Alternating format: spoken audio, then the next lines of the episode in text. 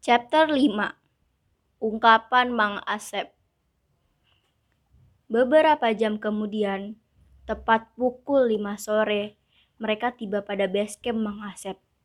Mereka pun bergegas membersihkan tubuh sembari sholat asar.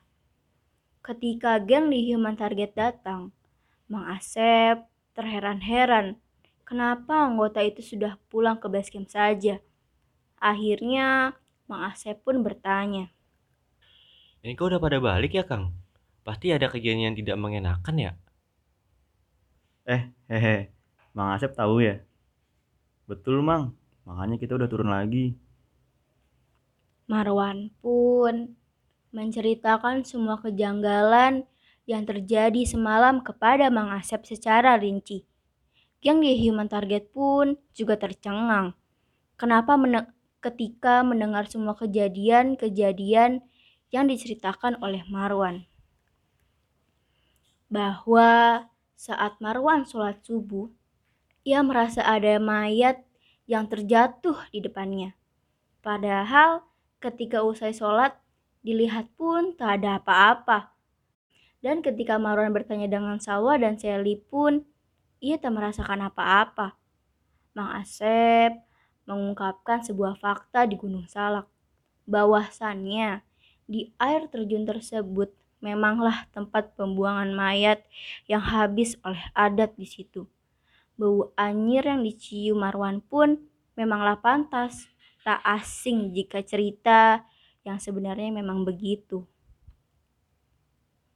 Salwa akhirnya pun juga mengakui ketika ia berdua di tenda dengan Sally, ia merasa kakinya disentuh oleh seseorang Padahal sudah jelas, tenda itu hanya berisikan mereka berdua.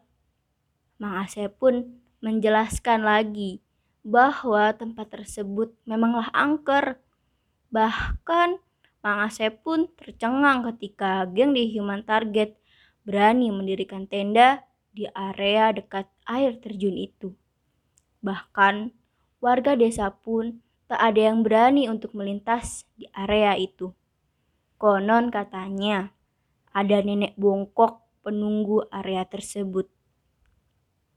Sejujurnya, Hasbi juga melihat bayangan besar di atas tebing melayang-layang ketika mendirikan tenda.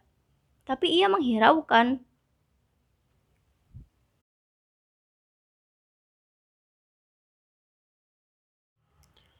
Kalian pasti ada yang berkata kasar dan bawa minuman ya? The human target saling menatap satu sama lain. Iya, Mang. Makanya saya juga marah banget. Pantesan. Itu dia pemicunya. Tapi di sini yang saya lihat ada satu di antara kalian yang punya pegangan ya. Hah? Pegangan kayak gimana tuh maksudnya, Mang? Gini, Neng. Kayak jimat. Orang ini yang lindungin kalian. Beruntung kalian loh, karena biasanya orang yang udah masuk jalur cabang gak akan selamat. Gang di Human Target pun benar-benar melongo mendengar semua ungkapan dari Mang Asep. Sebenarnya kakek saya nitipin pesan buat jaga teman-teman saya, Mang. Terus beliau ngasih saya kalung ini. Nah, kan betul. Itu dia jimat maksudnya, Mamang. Geng The Human Target pun mengambil pelajaran dari perjalanan kali ini bahwa kita sebagai mahasiswa haruslah menjaga tutur kata dan sopan santun di alam dan di kawasan yang bukan milik kita. Mereka pun sangat berterima kasih kepada Marwan dan kakek Marwan yang terbilang sudah menyelamatkan mereka dari mara bahaya di Gunung Selang tersebut. Yang di Human Target pun sampai rumah masing-masing dengan selamat.